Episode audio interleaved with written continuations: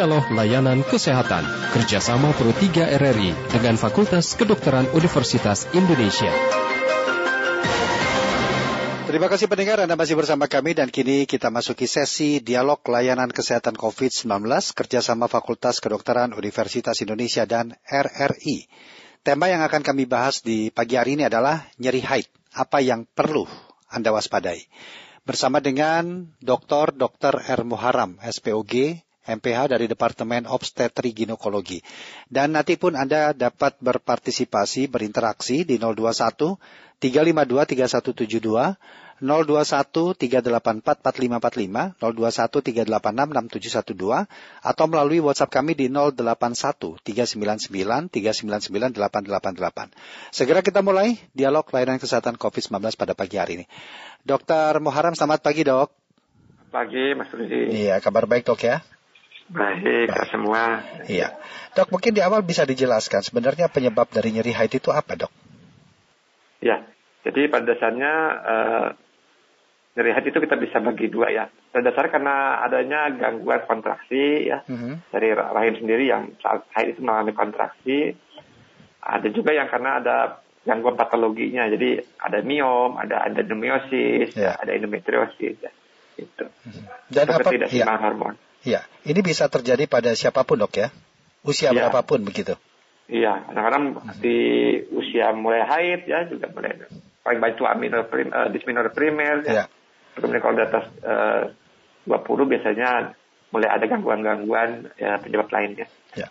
Kalau yang disebut nyeri haid yang mungkin itu dalam hal yang memang wajar, yang biasa, itu yang bagaimana? Apakah itu bisa nah, dibedakan, nah, dok? Kita harus sekarang ini lebih eh, deteksi dini ya, karena kita ternyata hmm. eh, namanya salah satunya endometriosis itu juga menyebabkan nyeri. Nah, karena tadi dianggap biasa nyeri haid itu, uh, kita keterlambatan 15 tahun ini dalam melakukan diagnosis dininya. Jadi uh, kita harapkan sih uh, dogma bahwa nyeri haid itu biasa, yeah. itu harus cepat-cepat diatasi sehingga kita cari penyebabnya. Yeah. Nah itu mungkin dengan dialog-dialog ini kita bisa lebih dini mengatasi apa sih penyebab dari nyeri haid itu. Hmm. Gitu. Tetapi apakah memang haid itu selalu disertai dengan rasa nyeri dok? Uh, harusnya tidak.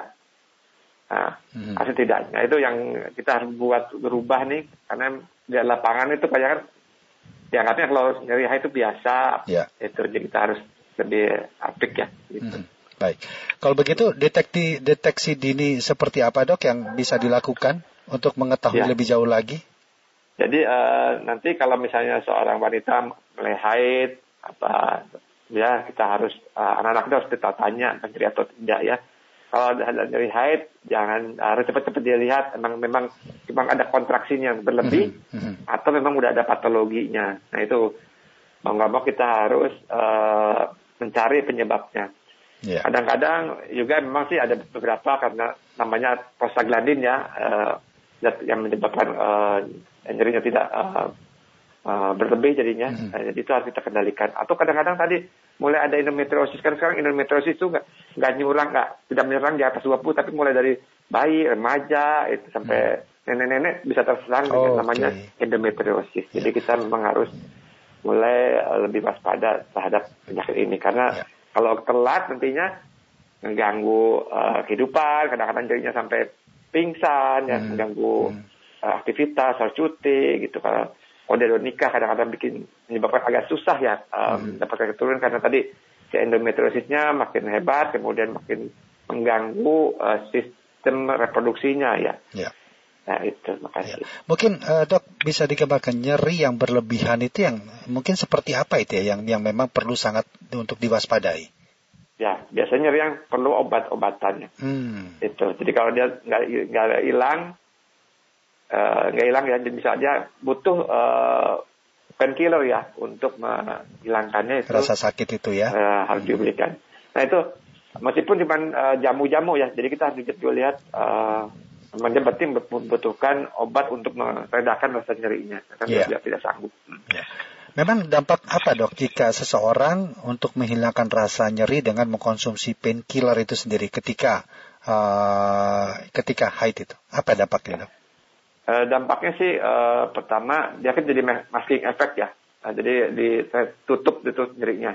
Tapi memang kalau tidak pakai nyeri tanpa ditutup memang dia jadi, jadi tidak bisa aktivitas. Hmm. Tapi kalau kelamaan, hmm. kronis itu kan obat-obat penyeri uh, eh, INS ini mengganggu ginjal ya. Apalagi kalau sudah oh. kronis terus makan-makan obat-obat itu bahaya kasih ginjalnya nanti bisa rusak. Jadi kita harus lihat penyebabnya. Ya, selama ini kebanyakan atau kasus terbanyak uh, kenapa dok nyeri haid yang mungkin setelah paling banyak diagnosis? Uh, ya. dek, uh, satu dekade ini adalah endometriosis pak. Apa itu pak? Ya, ya namanya jadi sel-sel endometrium itu ada juga yang tumbuh di luar rahim jadi uh, dia mirip uh, seperti selaput rahim yang suka haid luruh ke saat haid nah hmm. tapi dia tumbuhnya di luar rahim sehingga begitu uh, wanita itu haid dia ikut uh, berkembang dan menimbulkan nyeri yeah. dan uh, tadi lama-lama kalau dia tumbuh di otot rahim namanya adenomiosis kalau tumbuhnya di uh, selaput uh, rongga perutnya sebut uh, endometrius peritoneal dan kadang-kadang juga timbul kista kista coklat mm -hmm. nah kista mm -hmm. endometriosis.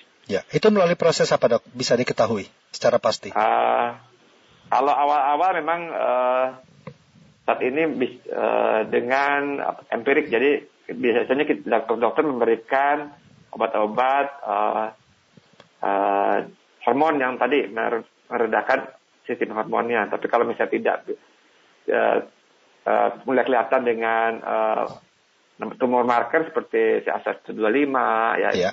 itu bisa kita lihat. Tapi kalau misalnya udah gede, biasa kita secara USG bisa kelihatan tuh hmm. uh, adanya kista gitu. Ya. Apa resikonya? Ya, itu silakan. Periodik pak. Uh, hmm. Hasil itu periodik. Jadi setiap haid sakit itu kemungkinan besar endometriosis. Oke. Okay. Kemudian ya. uh, apa dampaknya jika hal ini dibiarkan dok? untuk jangka waktu yang lama? Ya, pertama tadi e, mengganggu e, kualitas hidup ya, karena setiap haid ya kan nggak masuk kantor, nggak bisa okay. belajar ya. Yeah. Kadang-kadang dirinya sampai e, skalanya sampai 10 gitu ya, sampai dia uring-uringan, pingsan hmm. kadang-kadang. Hmm. Tapi kalau lama-lama dibiarkan, nanti dia akan ngerusak di kalau dia tumbuh di otot rahim, dia akan ngerusak otot rahimnya, otot jadi besar dan jadi ya.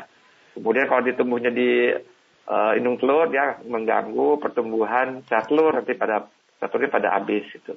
Nah kadang-kadang juga uh, saat ini uh, di, di orang-orang yang menjelang menopause suka timbul mm -hmm. juga mm -hmm. keganasan dari endometriosis ini. Meskipun tadi prosesnya cuma 1 sampai dua persen, tapi kita waspadai terhadap endometriosis ini. Ya. Tadi sempat disinggung dok ya, uh, jika hal ini dibiarkan bisa berdampak kepada uh, untuk Sebulan. menghambat keturunan dok ya? Itu betul? Iya. Hmm. Iya. Dalam Karena kondisi yang bagaimana itu dok? Ya, jadi si sel-sel ini yang uh, sifatnya dia mempunyai kemampuan seperti stem cell ya, jadi ke mana-mana. Nah, dampaknya untuk di tadi kalau dia di kistanya menimbulkan gangguan pembentukan sel telurnya. Nah, kalau dia di rahim tadi mengganggu uh, proses uh, si uh, penerimaan dari uh, rahim untuk menerima bayinya. Kalau dia di cairan-cairan uh, perut, rongga perut itu dia juga menghambat proses uh, uh, pertemuan dengan sperma. Karena sperma kita jadi pada rusak ya, dianggapnya musuh jadi dia di hmm. dibom. Hmm, di, begitu. Di, dikurangi ya. kemampuan uh, kegiatan si spermanya sehingga tidak bisa terjadi pembuahan antara sperma dengan sel telurnya. Ya, kita terima atau kita undang pendengar terlebih dahulu nih dok ya untuk bisa berinteraksi. Ya. Silakan okay. pendengar, Anda dapat berpartisipasi untuk bertanya secara langsung dengan topik kita yaitu nyeri haid, apa yang perlu Anda waspadai. Di 021 352 3172, 021 384 4545, 021 386 6712, serta di WhatsApp kami 081 399 399 888. Baik dok, setelah didiagnosis ada memang hal yang perlu ditangani. Tingkat kesembuhannya bagaimana dok ketika sudah ditangani secara medis? Ya, namanya endometriosis emang sekali endometriosis seumur hidup dia endometriosis. Nah penyebabnya dari endometriosis ini salah satunya bisa karena tadi uh, genetik ya, bisa juga karena tadi darah haid yang uh, kembali ke perut sehingga sistem pembuangan sampah di uh, perutnya tidak bagus ya ya. sehingga tidak tumbuh dia atau tadi memang setelah stem cell dia tumbuh di uh, uh, permukaan-permukaan itu ya. Nah sekarang ini sudah ditemukan di bayi, jadi ibu yang mengalami endometriosis pun si bayinya bisa kena endometriosis. Jadi oh. memang sekarang harus benar-benar menjaga pola makan, ya, ya pola hidup, uh, sistem imun. Karena dari teori-teori yang ada paling yang bisa kita kendalikan uh, sistem imun ya. Jadi kita jaga imunitasnya harus sehat, makan juga sehat juga. Kemudian juga biar si genetiknya tidak timbul. Jadi hmm. secara epigenetik hmm. kita harus tadi jadi tadi menjaga makanan benar-benar dijaga dan kalau mengkonsumsi tanda kutip namanya dioksin ya. Jadi uh, sampah plastik dan sebagainya sehingga tadi uh, meskipun dia punya, punya keturunan uh, ya. endometriosis tapi tidak muncul endometriosis itu. Kita terima dulu pendengar dok ya, sudah ada Pak Miftah iya. di Yogyakarta. Pak Miftah, selamat pagi Pak. Halo Pak Miftah. Halo, Assalamualaikum. Waalaikumsalam, silakan dengan narasumber kita Dokter Moharam. Uh, selamat pagi Dokter Muharam, selamat pagi Mas Surudi. Iya, selamat Jadi, pagi. Uh, umumnya kan uh, seorang wanita atau cewek itu ketika mau datang itu kan nyeri. Misalkan hanya tujuh hari itu biasanya dua atau tiga hari itu ketika awal-awal kan sakit. Nah, biasanya e, disiasati dengan meminum jamu. Kalau di Jawa itu biasanya untuk kunir asam lah itu manfaat kunir asam sendiri itu apa dan kandungannya apa. Jadi hmm. bisa jaga panjang juga kan. Kayak gitu kan itu kalau e, bagi tubuh berbahaya enggak? Kita aja terima kasih ya. Terima kasih Pak Miftah ya. Ya, silakan dokter tapi kita tampung dulu dok ya. Sudah ada pendengar berikutnya ada Pak Udin di Boyolali. Pak Udin selamat pagi. Selamat pagi, Assalamualaikum warahmatullahi wabarakatuh. Waalaikumsalam. Silakan Pak Udin dengan Dokter Muharram. Bapak Rudi, ya. Bapak Dokter Muharram. Saya uh, pernah membaca sabda Rasulullah SAW.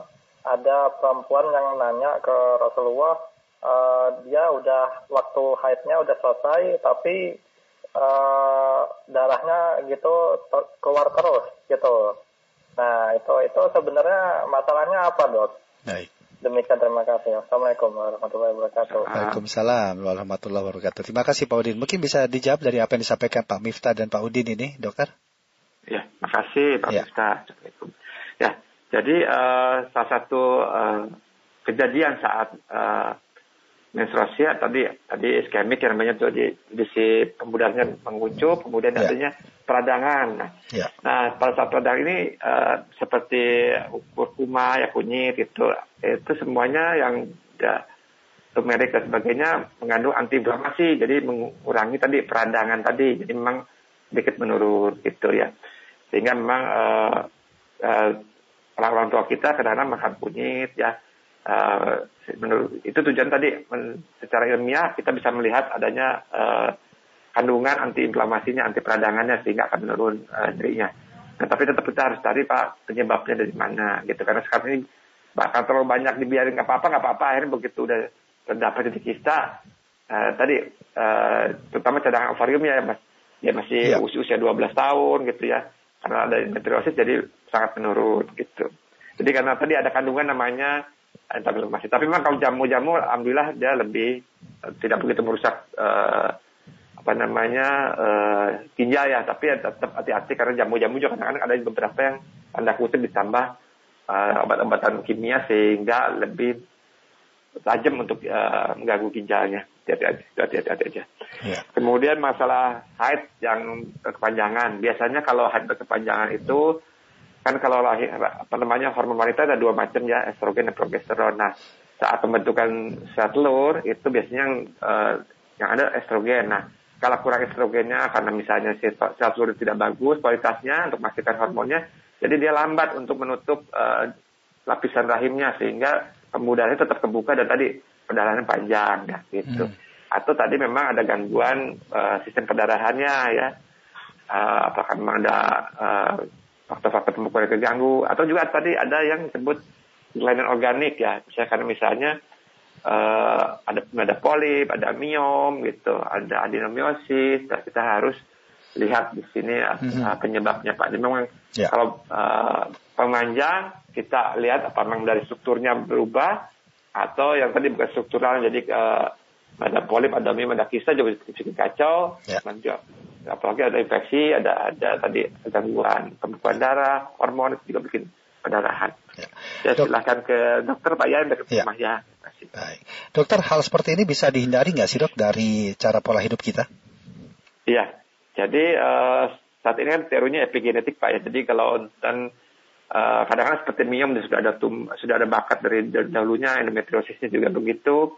Nah, uh, makanan itu justru sekarang ini uh, menjadi tren ya karena uh, biar bagaimana si genetik ini nggak timbul ya. Jadi secara epigenetik dia nggak tumbuh. Tapi makan-makan tadi harus jaga jangan banyak mengandung gula ya. Jangan mengandung dioksid seperti plastik kan paling jahat tuh di dunia ini. Tiga apa ya? Plastik yang uh, plastik styrofoam sama pestisida itu sangat uh, pengaruhi sistem imun dan sistem estrogen. Karena mereka itu merupakan estrogen sintetiknya. Ya. Kemudian tadi gula-gula juga sekarang cukup banyak ya uh, gula sehingga untuk uh, pengelolaan uh, nyeri haid ini salah satu dalam untuk tadi uh, apalagi udah endometriosis gulanya harus dikendalikan meskipun dia buat diabetes ya. Itu. Ya. Baik. Kemudian dok untuk uh, pengobatannya sendiri, uh, memang ini membutuhkan waktu yang cukup panjang tidak dalam hal penyembuhannya atau pengobatan dari sisi diagnosis sampai selesai nanti dok? Oh iya, tadi kita bagi dua pak ya, dan apa penyebabnya karena tadi ada strukturnya seperti ada miom, ada ada polip, ada itu kita uh, tindakan di situ biasanya. Begitu tindakan selesai hilang sih cepat. Yang repotnya sekarang yang yang nggak ada gangguan strukturalnya seperti gangguan uh, pendarahan, gangguan hormonal itu memang relatif uh, relatif ya ada yang cepat ada yang lambat ya. Ya jadi kalau misalnya nah, kalau misalnya dia gangguan hormon harus dilihat penyebabnya apakah dia tadi uh, kenapa tidak gangguannya kelebihan hormon atau kekurangan hormon. Yeah. Tapi kalau misalnya gangguan dia gangguan pendarahan, misalnya ada hemofili dan sebagainya, itu mah agak panjang tuh pak. Nah, uh, untuk uh, kita melakukan treatmentnya ya. Ya. Jadi memang awal datang itu memang harus detail ya ke arah mana penyebabnya dan tadi tapi yang tadi penunjang olahraga, makanan yang bagus, yang bergizi itu harus uh, bagus sehingga tadi uh, cara epigenetik dia tidak memunculkan apa yang sudah diturunkan dari orang tuanya. Ya. Terakhir dokter apa yang bisa dokter sampaikan untuk ya. uh, kita Jadi, semua terutama untuk, untuk ini, para perempuan ini untuk menjaga atau mewaspadai hal ini dok silakan. Ya, terima kasih. Jadi untuk mewaspadainya secara dini sama-sama kita melihat uh, penyebab ya dari nyeri head ini. Jadi jangan secara simptomatik aja jadi gejala-gejalanya kita tutup mm-hmm. tutup aja. Jadi kita melihat uh, etiologinya atau penyebab dari nyeri headnya itu penting ya. Kemudian nanti uh, jangan diremehkan uh, nyeri head ini karena kalau diremehkan kadang-kadang nyeri head itu tidak ber, tidak sama dengan uh, gejala uh, berat ringannya. Kadang-kadang kalau endometriosis gejalanya kurang, tapi begitu dilihat di USG ada vista, ada kita. Ada yang sakit banget tapi belum kelihatan, tapi laparoskopi baru kelihatan gitu. Jadi apa pun ada nyeri, pastikan tidak ada patologinya, tidak ada kelainannya, baru uh, makan obat-obatan. Nah sehingga sekarang ini cenderung ke arah, apalagi yang masih remaja itu, kita usahakan sebaik mungkin sehingga uh, uh, tidak mengganggu proses reproduksinya saat, saat dia sudah menikah. Jadi memang harus secara dini kita lihat penyebab-penyebab dari nyeri haid tersebut ya. ya. Aja. Jadi mohon kalau nyeri haid ke dokter dilihat mm -hmm. penyebabnya. Uh, jangan sampai terlena gitu. Baik. Terima kasih. Ya, terima kasih Dokter Muharam sudah berbincang dalam dialog layanan kesehatan pagi hari ini. Semoga bermanfaat dok ya untuk apa yang sudah disampaikan. Ya. ya terima kasih banyak. Sekali lagi terima kasih. Selamat kembali beraktivitas dok. Selamat pagi. Pagi. Demikian dialog layanan kesehatan COVID-19 kerjasama Fakultas Kedokteran Universitas Indonesia dan RRI bersama dengan Dr. Dr. R. Muharam, SPOG, MPH dari Departemen Obstetri Ginekologi.